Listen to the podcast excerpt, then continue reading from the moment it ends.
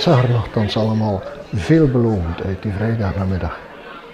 Met de ploeg van zes man hadden we goed gewerkt in de meest westelijke Sangiovese wijnhaard.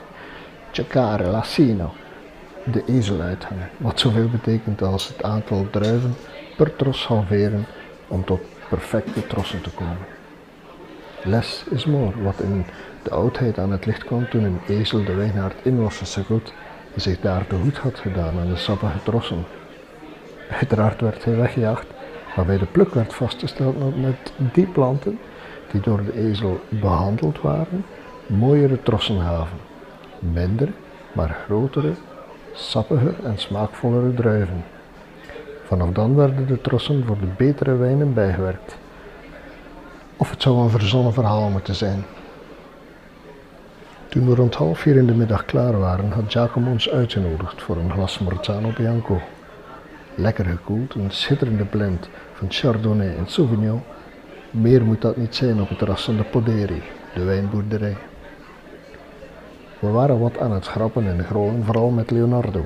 Onze Leo is een klein schichtig mannetje van om en bij de 25 jaar die zijn beperkte grootte wil compenseren met gebaren, gesticulare. Omdat hij bovendien een typisch heese stem heeft, komt hij wat over als een leeggelopen Don Corleone. Wat hem natuurlijk het lichtpunt van goed bedoelde spot maakt. Zo lag Leo weer zwaar onder vuur toen twee wagens van de Carabinieri het erf opreden. De eerste die uitstapte was commissaris Roberto Pezza. Een goede vriend van mij, notoir, wijnliefhebber, gastronomisch genie, koning van de one-liners. Kortom, ik was mij van geen kwaad bewust toen Roberto en zijn drie collega's op het terras toeliepen. Het zou niet de eerste keer zijn dat Roberto, plichtsbewust als hij is, kon proeven of de kwaliteit van de wijn wel voldeed aan zijn norm. Nu was dat voor hem nooit een probleem geweest bij de producten van Tenuto de Morzano. Roberto was zelf een van de betere private klanten van de Coltivatore de Vino, de klassewijnmaker die Mauro toch wel is. Bij nadere inzien en achteraf bekeken is het wel zo dat Roberto de bezoekjes niet tijdens zijn diensturen en in uniform doet en bovendien steeds alleen langskomt dus. Maar dat had ik op dat moment niet door. Het zal wel de vermoeidheid geweest zijn en de lodenzon en de wijn. Zelfs toen zijn companen zich iets wat onwennig verspreidden over het terras en Roberto recht naar me toe kwam, was er geen haar op mijn hoofd dat dacht dat dit wel eens niet zo positief zou kunnen zijn. Mijn glimlach moet echter snel zijn verdwenen toen Roberto mij lichtjes onderkoeld aansprak. Pupo, met spijt in het hart, maar er is mij opgedragen u een hechtenis te nemen. U weet misschien waarover dit gaat, ik in ieder geval niet.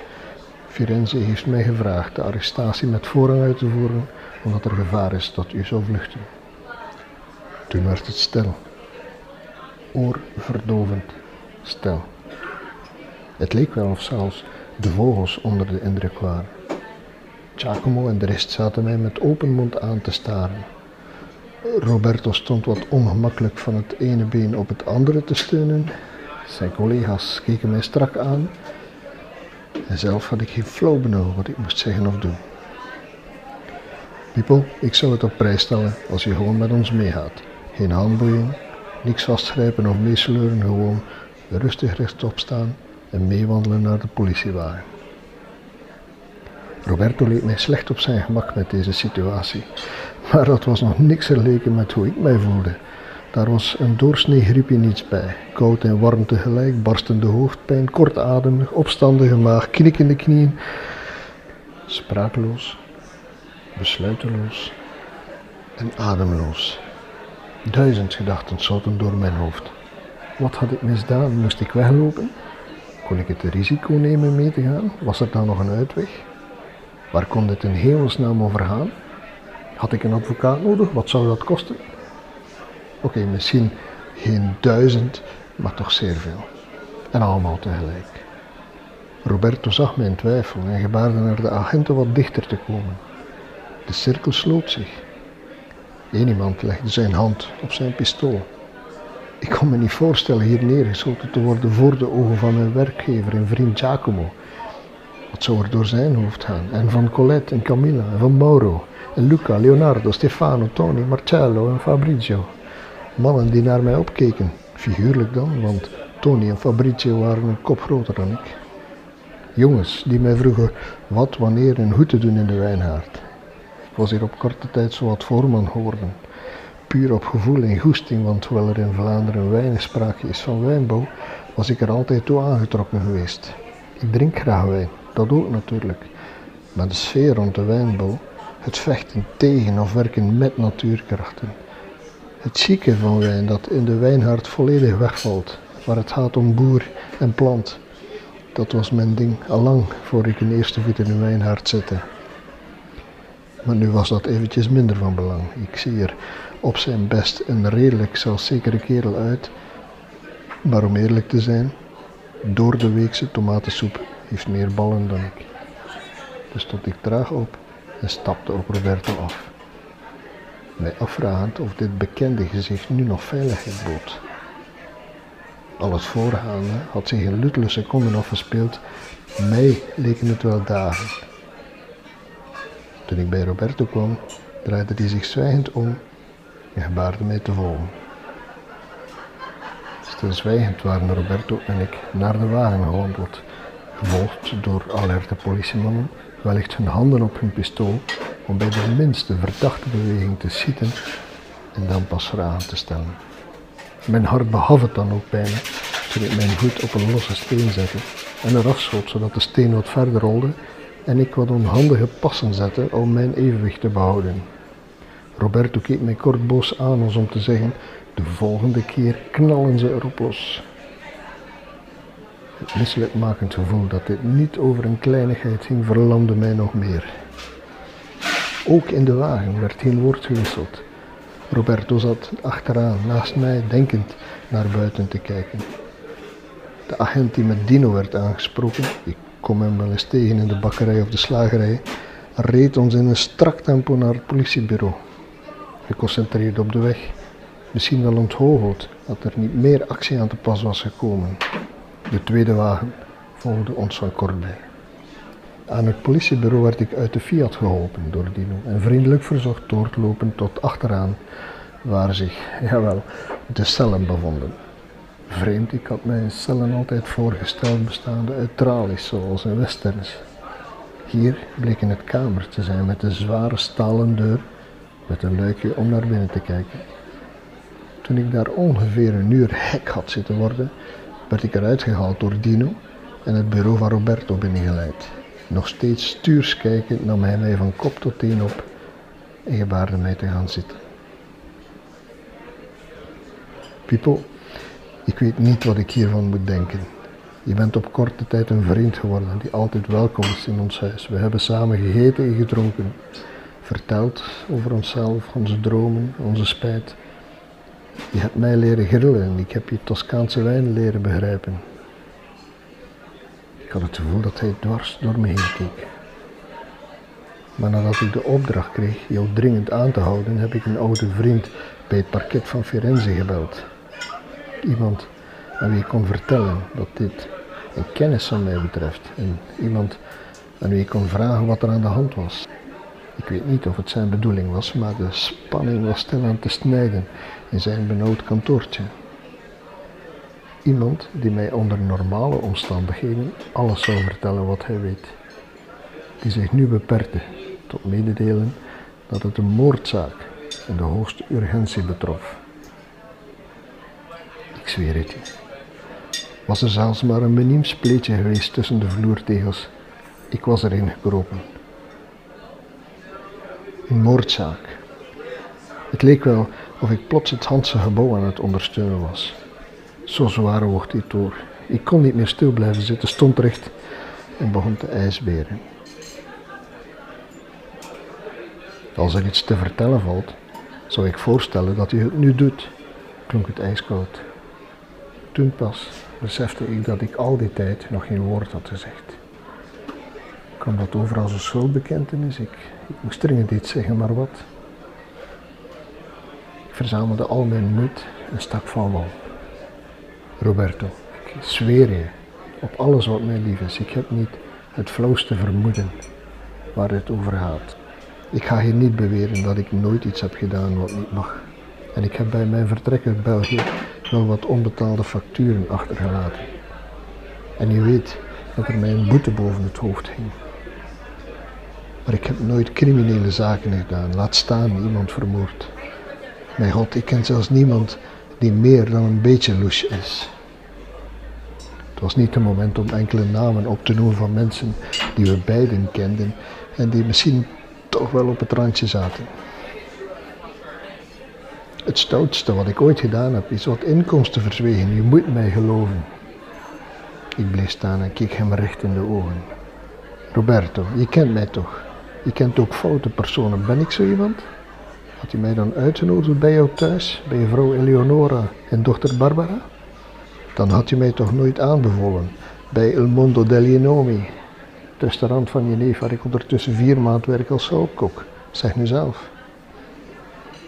Roberto leunde achterover en knikte bevestigend. Zie.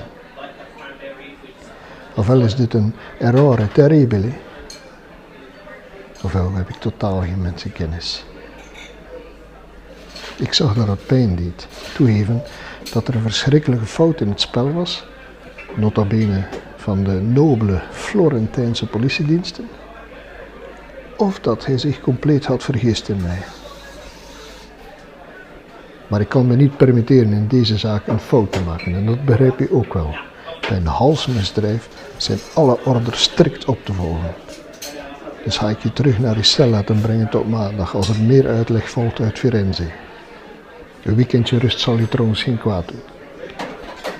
Roberto had mij al vaker gezegd dat ik te hard werkte. In de wijnhaard en in het restaurant, vaak zeven dagen op zeven. Nu klonk het als een flauw excuus.